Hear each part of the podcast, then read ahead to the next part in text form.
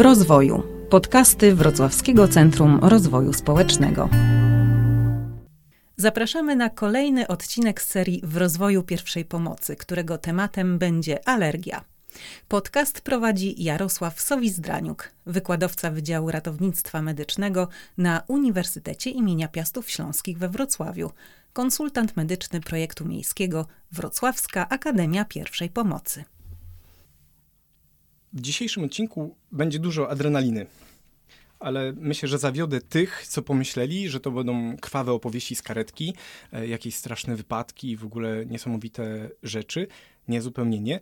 Dlatego, że chciałbym skupić się dosłownie na hormonie, na adrenalinie, który krąży w waszych organizmach. To ten właśnie hormon pozwoli wam dzisiaj wstać z łóżka rano, no bo dzięki temu krąży y, krew w waszych żyłach, w waszych tętnicach, dzięki temu myślicie, y, dzięki temu teraz ja mówię do was i czuję y, to, jak serce mi szybciej bije, no bo adrenalina to też taki hormon stresu, to on właśnie was pobudza, kiedy spotykacie typa spod ciemnej gwiazdy i zaczynacie uciekać, to właśnie dzięki adrenalinie takie rzeczy się dzieją dzięki temu walczymy, dzięki temu, wiecie, zdobywamy różne rzeczy, e, dzięki temu też się rozwijamy, ale dzisiaj będzie o adrenalinie jako o leku, który ratuje życie i nie jest tylko zarezerwowany dla służb medycznych. No ale po kolei. Dwóch bohaterów, których na początku chciałbym przytoczyć, to Charles Richet i Paul Portier. To są naukowcy francuscy, którzy na początku XX wieku, na polecenie księcia Alberta, mieli zbadać coś, co się nazywało jamochłonem mórz południowych. W ogóle niesamowite. To był żeglarz portugalski, to był e, jamochłon, którego jad niestety zabijał żeglarzy. I dlatego oni mieli odkryć, dlaczego ta toksyna jest tak niebezpieczna. I co zauważyli? Oni w ogóle szalenie wstrzykiwali tą toksynę e, zwierzętom, konkretnie e, jednemu psu. I okazało się, że po pierwszym wstrzyknięciu tej toksyny w ogóle nic nie stało. Ten pies w ogóle zniknął, uciekł i trzy tygodnie go nie było. E, po trzech tygodniach wrócił i miał się, miał się zupełnie dobrze. Więc postanowili drugi raz mu dać ten jad. I co się okazało? Za drugim razem, niestety, e, ten pies w takich ciężkich konwulsjach i po prostu e, jakichś męczarniach umarł. I zaczęli się zastanawiać, dlaczego tak było, i jakby tą całą sytuację zaczęli spostrzegać jako nadreakcję właśnie na ten jad. Dodatkowo oczywiście jako naukowcy w zakresie medycyny pracowali nad różnymi lekami. Zauważyli, że część leków, które podaje się ludziom za pierwszym razem w ogóle no, przynosi jakiś efekt leczniczy, ale poza tym nic się nie dzieje. Ale podanie drugiej dawki bardzo często powodowało, że zamiast stan ludzi, w sensie stan zdrowotny, zamiast się polepszać, on się nagle pogarszał. I wtedy odkryli jakby to i nazwali wprost jako anafilaksję, czyli odwrotne działanie do tego, które było zamierzone, no bo chcieli leczyć tych pacjentów, a okazało się, że podaż leku ich zabija po prostu. Badanie tego tematu doprowadziło Richet do tego, że w 1913 roku dostał Nagrodę Nobla właśnie za odkrycie anafilakcji, czyli tej nadmiernej reakcji uczuleniowej. Sposób naszego życia, nasza dieta, smog, y, to w jaki sposób y, mamy aktywność fizyczną, że dzisiaj w większości siedzimy przed komputerem, mamy pracę zdalną, uczymy się zdalnie, wpływa na to, że mamy coraz więcej alergików. I badania właściwie każde, które można prześledzić w gatunku alergii, mówi o tym, że w ciągu ostatnich 10 lat, a może nawet dwóch dekad, diametralnie wzrasta nam liczba osób, które są uczulone na coś. Y, głównie to oczywiście jedzenie, bo to będą orzechy różnego rodzaju, owoce morza, mleko, jajka, y, sezam i tak dalej, różnego rodzaju owady, które mamy, materiały, z którymi żyjemy na co dzień, dają nam po prostu reakcję uczuleniową. Nasz organizm zaczyna się bronić i tutaj wróćmy trochę do naszych bohaterów sprzed chwili, dlatego że dlaczego ta druga dawka leku, czy to drugie spotkanie z tym jadem wywoływało taką reakcję? Dlatego, że przy pierwszym spotkaniu z alergenem nasz organizm zaczyna się bronić. Aha, coś jest nie tak. I zaczyna wytwarzać przeciwciała. Ja myślę, że to jest ostatnio modne słowo w ogóle. Każdy wie, co są przeciwciała i różne klasy. No ale zaczynamy wytwarzać przeciwciała. I teraz, kiedy drugi raz spotkamy się z tym alergenem, no to nasz organizm jest przygotowany świetnie na walkę. On zaczyna się walczyć, miotać, i to niestety skutkuje dla nas że wpadamy w tak zwany wstrząs, czyli zupełną niewydolność naszego organizmu. Także każda reakcja uczuleniowa jest czymś w ogóle paradoksalnym dla nas, no bo podejmujemy autonomiczną decyzję, że chcemy coś zjeść, ale nasz organizm mówi: Nie, tego nie będziesz jadł. Ja się nauczyłem z tym walczyć i będę walczył do utraty tchu i do śmierci w ogóle twojej. To jest dla mnie niesamowite, no ale tak działa nasz organizm.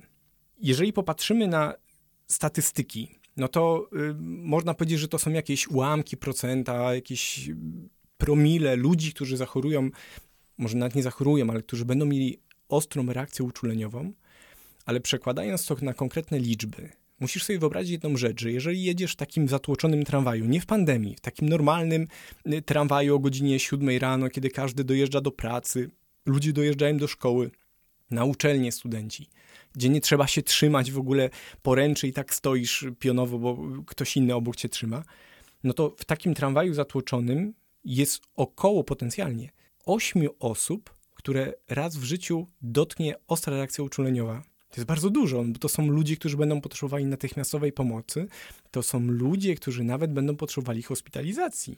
Więc to naprawdę może zdarzyć się e, bezpośrednio tobie albo komuś, kto właśnie cię w tym tramwaju podtrzymuje. Dzieci najczęściej doznają anafilakcji z powodu jedzenia. Są to, nie wiem, orzechy, mleko, sok z marchwi. Natomiast dorośli najczęściej reagują uczuleniem na leki albo właśnie na urządzenia owadów. Pamiętam, że któregoś roku, to było już ze 4 lata temu, była taka w cudzysłowie moda na to, że było bardzo dużo szerszeni we Wrocławiu i co za tym idzie, było też bardzo dużo reakcji uczuleniowych. Pamiętam jakby strażaków, którzy te, te gniazda jakby likwidowali, byli kąszeni, wpadali we wstrząsy anafilaktyczne, robotników, e, którzy nie wiem, kładli jakieś kable, jakieś dachy robili, te szerszenie właśnie tam się e, znajdowały. Ale pamiętam taki jeden szczególny przypadek, że my sobie myślimy, że jesteśmy młodzi, na nic nie chorujemy, że wszystko będzie w porządku.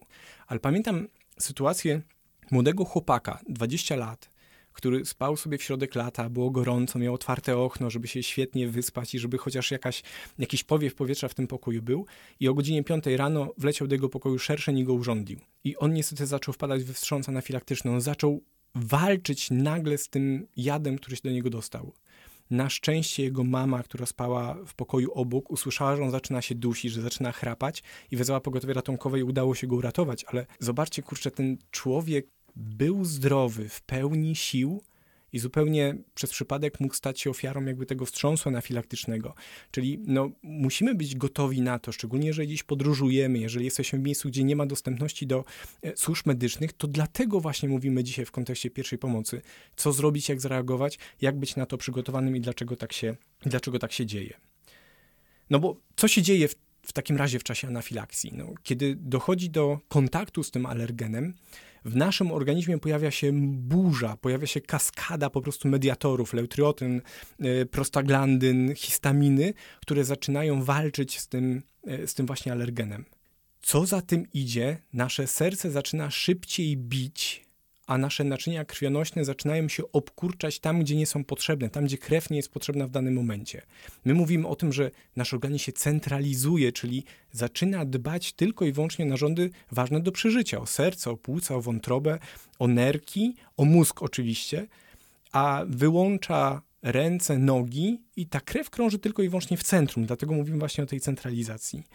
Ale co ważne, w naszych naczyniach krwionośnych, co się dzieje? One normalnie jak jesteśmy zdrowi, to nasze naczynia krwionośne są w takim tonusie, w takim napięciu cały czas. Dzięki temu mamy e, krążącą krew w organizmie pod jakimś ciśnieniem. Natomiast we wstrząsie anafilaktycznym, w ramach tego wszystkiego, co się dzieje, tam dochodzi do rozkurczenia tych naczyń krwionośnych i one jeszcze zaczynają być tak jak sito przepuszczalne dla wody. Więc nie dość, że rozszerzyło się nagle naczynie krwionośne, czyli de facto już jest mniej płynu, no bo ciągle w organizmie człowieka mamy 5 litrów krwi, załóżmy, tak, takiego dorosłego człowieka. A nagle rozszerzyło się łożysko naczyniowe, rozszerzyła się tętnica, to tej krwi zaczyna brakować, ale ona jeszcze zaczyna przeciekać i ta woda z krwi zaczyna wylatywać na zewnątrz, czyli jest jeszcze mniej płynu, który normalnie powinien krążyć w organizmie. I tutaj wracamy do naszego bohatera odcinka, czyli tej adrenaliny, o, którym, o której mówiłem na samym początku, dlatego że adrenalina jest w tym momencie naturalnie wydzielana z naszego organizmu, z naszej kory nadnerczy. To ona powoduje zatrzymanie tej kaskady, która jest zupełnie beznadziejna. Ona powoduje obkurczenie naczyń krwionośnych, które wracają do normalnego stanu, ale też powoduje to, że one zaczynają być szczelne, że ta krew nie zaczyna, ta woda z krwi nie zaczyna uciekać na zewnątrz. I Oczywiście to, to, to, jest piękne, że ten organizm nasz zaczyna się bronić, dlatego też szybsza akcja serca, no bo właśnie to jest wynik działania tej adrenaliny. Ona też rozszerza oskrzela, dlatego że mm, jak zaraz powiemy sobie też o objawach innych y, uczulenia, no to czasami ludzie zaczynają się dusić, bo ich oskrzela, czyli te dolne drogi oddechowe, zaczynają się kurczyć, a adrenalina powoduje to, że one się rozszerzają, że człowiek może swobodnie nabierać powietrza ta adrenalina próbuje przeciwdziałać temu wszystkiemu, co się dzieje w organizmie, ale my mamy ograniczone możliwości wydzielania, no bo w pewnym momencie kończą się jakby zapasy tej adrenaliny, możliwości człowieka i wtedy właśnie człowiek zaczyna umierać. I dlatego w tym momencie lekiem pierwszego rzutu, takim, który ratuje życie człowiekowi, jest adrenalina. Oczywiście pomyślicie od razu tak, okej, okay, adrenalina, ale skąd ją wziąć? Dlaczego w ogóle o tym mówimy? Przecież to tylko służby medyczne, lekarz, ratownik medyczny, pielęgniarka mogliby to nam zaaplikować. No nie, właśnie na szczęście badania nad adrenaliną pokazały, że to jest zupełnie bezpieczny lek, który można zamknąć w specjalnej automatycznej strzykawce. Czyli mamy strzykawkę z igłą normalnie, albo taki autowstrzykiwacz, w którym mamy odpowiednią dawkę adrenaliny i tak naprawdę osoba po krótkim przeszkoleniu może tą adrenalinę podać, czy to sobie, czy swojemu bliskiemu, dlatego że to jest łatwe i bezpieczne i do tego jeszcze będę na pewno, na pewno wracał. Ale podana z zewnątrz adrenalina, która jest wstrzykiwana do mięśnia, na udzie, nawet nie trzeba ściągnąć, słuchajcie, spodni, można e, wstrzyknąć w zewnętrzną część uda, tak jak dotkniecie teraz swojej nogi, to gdzie macie dużo mięsa, e, możecie po prostu wbić nawet przez spodnie tą igłę, ta adrenalina w odpowiedniej dawce natychmiast się uwolni i uratuje komuś życie, dlatego że właśnie będzie przeciwdziałała tej anafilaksji i będzie leczyła każde stadium, właśnie na każdym poziomie reakcji uczuleniowej. No bo to, co wy zobaczycie, to będzie tak, że człowiek zaczyna puchnąć. Takie wielkie obrzęki na policzkach, oczy puchną. Czasami wargi są po prostu większe niż po takim powiększaniu botoksem, tak, czy jakimiś e, e, kwasami hialuronowymi, to zdecydowanie będą większe te wargi, po prostu człowiek zaczyna wyglądać nienaturalnie. Do tego zaczyna czuć drapanie w gardle. Czasami się zaczyna dusić, tak jak mówiłem, kurczą się to skrzela, które nie pozwalają wydobyć powietrza na zewnątrz. E, do tego pojawia się wysypka. Do tego pojawiają się obrzęki na, w miejscu urządlenia, na przykład pszczoły. Myślę, że każdy z nas to, to zauważył. Notabene to jest właśnie ta woda, która wylała się z naczyń krwionośnych. To ona powoduje to, ten właśnie obrzęk. Więc jeżeli mamy osobę, która jest uczulona na jakąś rzecz i nagle ten alergen niestety jej dotknął, czy to urządzenie pszczoły, czy to właśnie zjedzenie tego tortu orzechowego, to tak naprawdę wytyczne Światowej Organizacji Alergologicznej mówią tak, natychmiast powinna ta osoba dostać adrenalinę. I oczywiście dzisiaj dostęp do adrenaliny jest utrudniony i to nie tylko w Polsce, tylko jakbyśmy popatrzyli na całą Europę, to rzeczywiście jest to lek przepisywany głównie na receptę. Kto taką receptę powinien otrzymać? Każda osoba, która przynajmniej raz w życiu przeszła reakcję uczuleniową, jeżeli jesteś alergikiem, jeżeli zdarzyło ci się tak, że nagle po wypiciu właśnie soku z marchwi, y, zjedzeniu garści orzechów, jeżeli dostałeś reakcji uczuleniowej, to powinieneś mieć taką receptę na adrenalinę. Oczywiście nie tylko mieć, ale ją wykupić i zrealizować. I co najważniejsze, tą adrenalinę w tej ampułko-strzykawce nosić zawsze przy sobie, tak żeby ona zawsze była dostępna. Niestety zaledwie 16% ludzi, którzy powinni mieć tą adrenalinę przy sobie, czyli tych alergików, tylko 16% ludzi mają albo przy sobie, albo w ogóle wypisaną. I to jest statystyka, którą trzeba podbić, bo to jest jedyny lek, który ratuje życie. Dzisiaj zobaczcie, jak jest utrudniony dostęp do opieki zdrowotnej, do zespołów ratownictwa medycznego. Ludzie z dusznością, ludzie z bólem w klatce piersiowej czekają po kilka godzin na karetkę, dlatego że tych karetek po prostu nie ma. Więc ten lek, który osoba, która jest podatna na uczulenie, jeżeli miałaby przy sobie, to jest lek, który bezpośrednio uratuje, uratuje jej życie. Więc każda osoba powinna, każda osoba, która jest alergikiem, która miała taką reakcję uczuleniową w przeszłości, nawet w dzieciństwie, powinna po prostu pójść do lekarza pierwszego kontaktu, pójść do swojego alergologa i powiedzieć: Proszę mi wypisać taką adrenalinę, ja chcę mieć ją zawsze przy sobie. I to jest klucz w ogóle do sukcesu, żeby mieć ją przy sobie. Badania też pokazują, że gro ludzi, tam około 30% nawet, chociaż ma adrenalinę w domu, to trzymają w lodówce albo na półce gdzieś w domu, no bo y, szkoda nosić, bo się stłucze, a właściwie to ona powinna być w lodówce i dlaczego miałbym nosić ją przy sobie? To, to w ogóle nie ma sensu. Jeżeli masz już adrenalinę, to powinieneś ją mieć przy sobie.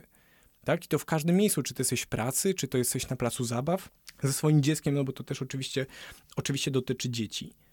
Idealnie by było, gdyby ta adrenalina była dostępna tak jak automatyczne defibrylatory zewnętrzne.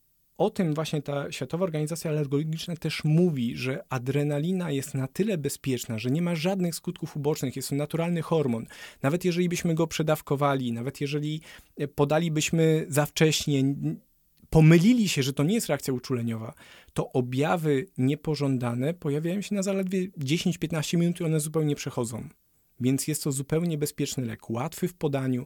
Nawet jeżeli nie ma się przeszkolenia, no to na tej automatycznej strzykawce jest instrukcja obsługi, jak w łatwy sposób podać tą adrenalinę. I nigdy nie pomylimy dawki, bo tam jest dawka taka, jaka być powinna do podania. Więc sensowne jest, żeby adrenalina była dostępna tak jak defibratory zewnętrzne, czyli powinny być w miejscach publicznych. Po prostu, jeżeli ktoś jest w reakcji uczuleniowej, to po prostu bierzemy ten lek i możemy go podać. Ale oczywiście tak, te leki są dostępne w każdej aptece. Trzeba zwrócić na to uwagę, że magister farmacji ma możliwość wypisania recepty farmaceutycznej na lek ratujący życie, więc jeżeli nie mamy takiego leku, a wiemy, że to jest reakcja uczuleniowa, nie mamy, bo nam się skończył, bo nie wypisaliśmy, to możemy pobiec do takiej apteki i poprosić, żeby farmaceuta na podstawie jakby rozmowy z nami, takiego krótkiego wywiadu medycznego, żeby on udostępnił nam ten lek, bo to jest lek ratujący bezpośrednio życie idealnie by było mieć ją przy sobie, mieć dostępne. E, w Ameryce swego czasu był program, który nazywał się EpiPen for School. To był program profilaktyczny, w którym wyposażono szkoły podstawowe właśnie w autostrzykiwacze z adrenaliną. I co się okazało, że w 63, a nawet 74% przypadków reakcji uczuleniowych w szkole natychmiast adrenalina była podawana i dzieciom kompletnie nic nie było. Jak przyjeżdżał zespół ratownictwa medycznego, tam paramedycy w tej Ameryce, to oni kontynuowali leczenie, ale te dzieci tego samego dnia jeszcze, jeszcze wracały normalnie do domu bez żadnych konsekwencji zdrowotnych.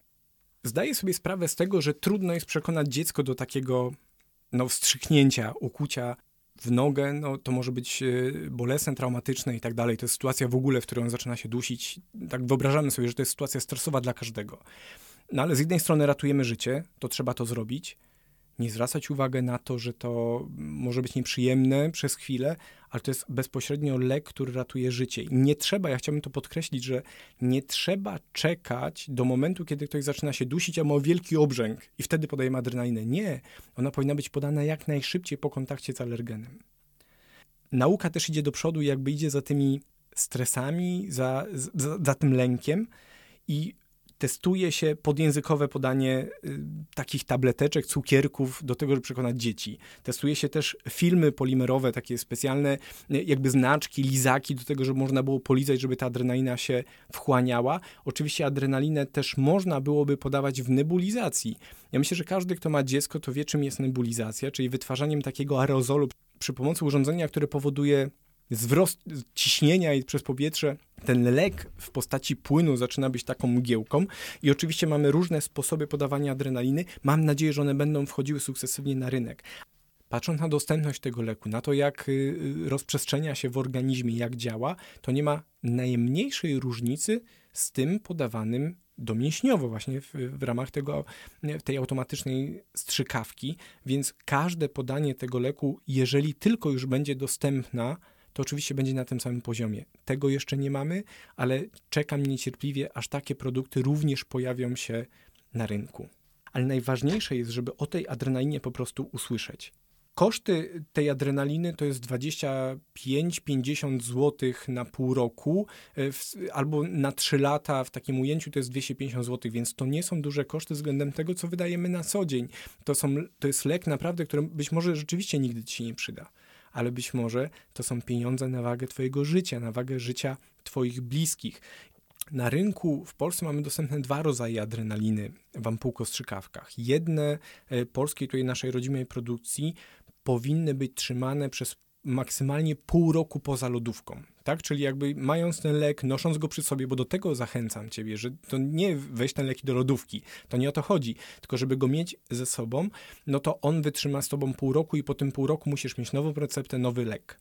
Y, leki, które mamy producenta nieprodukowane w Polsce wytrzymują nawet 2,5 roku, 3 lata poza lodówką. Możesz je transportować wszędzie, gdzie są. One są wprawdzie droższe, ale de facto w przeliczeniu wychodzi mm, bardzo podobnie, więc tak naprawdę to do ciebie czy do twojego lekarza będzie należał wybór preparatu, który będziesz ze sobą nosił. Ja zupełnie nie chcę namawiać cię do jednego albo do drugiego. No ale co zrobić? Kiedy nie mam adrenaliny przy sobie, e, no oczywiście jak najszybciej wezwać pogotowie ratunkowe, no bo to jest stan zagrożenia życia, szczególnie jeżeli ktoś czuje drapanie w gardle, jeżeli zaczyna puchnąć, no bo jeżeli to gardło, ta krtań, tym czym oddychamy zaczyna puchnąć, no to mamy coraz mniejsze światło dróg oddechowych, no i w konsekwencji człowiek zacznie się dusić, więc jak najszybciej trzeba wezwać pogotowie ratunkowe. Lekami, które mogą nam wspomóc no to jest oczywiście tak. Po pierwsze otwarcie okna, żeby był jakiś przewiew. Po drugie, jeżeli mamy obrzęk języka, tutaj y, krtanie, jakieś drapanie w gardle, to możemy usiąść z dzieckiem czy z osobą dorosłą, która tego doświadcza, przed otwartą lodówką. Dlatego, że jeżeli jest zimno, to naczynia krwionośne, o których mówiliśmy, że się rozszerzyły, to to zimno sprawi, że naczynia się obkurczą, będzie mniejszy obrzęk i łatwiej też będzie oddychać. Większość z nas w domu ma leki przeciwuczuleniowe, szczególnie alergicy. To są leki typu loratydyna, acetryzyna, temu podobne, więc w sytuacji takiej reakcji uczuleniowej to też może być sposób na to, żeby pomóc takiemu człowiekowi. To są leki dostępne bez recepty, więc nawet według prawa możemy spokojnie je swojemu bliskiemu podać. Oczywiście warunkiem do podawania jakichkolwiek leków jest to, że y, nasz pacjent, nasz chory ma możliwość przełykania, więc no musi połknąć tą tabletkę, musi ją popić, bo inaczej dojdzie do zadławienia i myślę, że o tym będziemy mówić w innym podcaście, jak sobie wtedy radzić. Do głowy może wam też przychodzić podawanie wapna, bo często się tak mówiło, jak ktoś ma uczulenie, to trzeba podać wapno. Od razu powiem, to zupełnie nie działa. To jest mit w medycynie. Wapno nie wpływa zupełnie na reakcję uczuleniową, więc nie ma co rozpuszczać tego wapna i za dużo i za mało, to w ogóle z tego rezygnujemy. Ale jeżeli to są osoby, które chorują na przykład na astmę skrzelową czy przewlekłą obturacyjną chorobę płuc, to w czasie uczulenia trzeba im pomóc przyjąć leki na duszność, dlatego że oni mają zazwyczaj takie dmuchawki, takie wziewki, którymi możecie też uratować ich życie, zanim przyjedzie zespół ratownictwa medycznego. To nie wy decydujecie o tym, w jaki sposób, kiedy podawać te leki, ale ten pacjent jest przygotowany przez swojego lekarza, że jeżeli zaczyna się dusić, jeżeli czuje to, co jest nauczony do tego, żeby to diagnozować, to wtedy konkretny lek w konkretnej dawce może przyjąć. Ważna jest oczywiście profilaktyka ludzie mówią e, bardzo łatwo, tak? Unikaj po prostu alergenów, wtedy nie będziesz miał reakcji uczuleniowej. No, hmm, oczywiście to wydaje się proste i możemy rezygnować w restauracji zamawiania owoców morza, jeżeli jesteśmy na nie uczuleni. Ale też pamiętam sytuację wyjazdu karetką do trzylatka do przedszkola.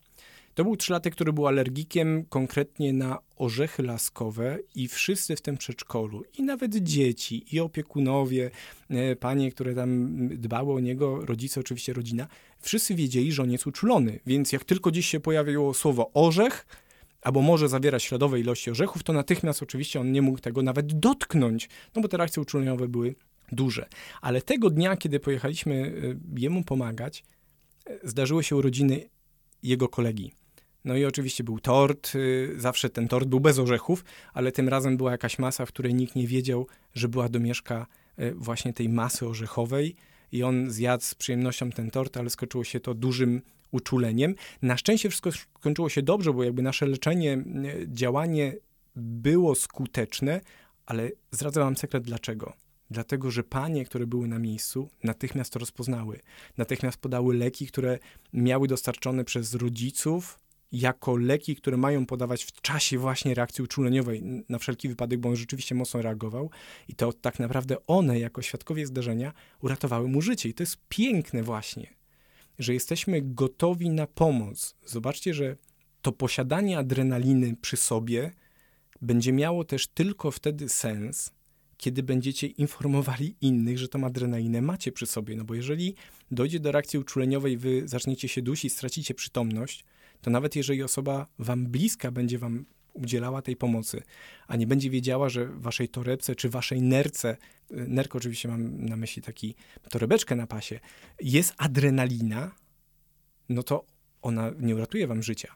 Więc dobrze jest mieć, jeżeli już jesteśmy alergikami, jeżeli mamy już tą adrenalinę, to mieć jakiś identyfikator medyczny. Czyli opaska na przedramieniu, może jakiś medalik, gdzie jest napisane: Jestem alergikiem, mam adrenalinę. Jeżeli coś mi się dzieje złego, natychmiast mi ją podaj. Jeszcze raz chciałbym podkreślić, że to jest zupełnie bezpieczny lek. Nawet jeżeli nie rozpoznamy dobrze tej reakcji uczuleniowej, E, to i tak nie zaszkodzimy temu człowiekowi, tak? To oczywiście nie chodzi o to, żeby sobie dla zabawy wstrzykiwać ten lek. No nie, to jest lek tak jak każdy inny, który jest stosowany tylko w odpowiednich momentach. Jeżeli mamy osobę, która ma kontakt z jakimś alergenem, który może spowodować tą reakcję uczuleniową, to powinna jak najszybciej otrzymać właśnie zastrzyk z adrenaliny.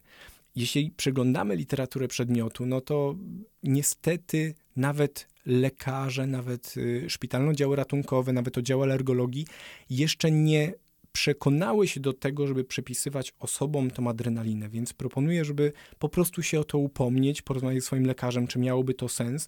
Na pewno, jeżeli podróżujecie dużo, jeżeli jesteście aktywni, to to ma sens.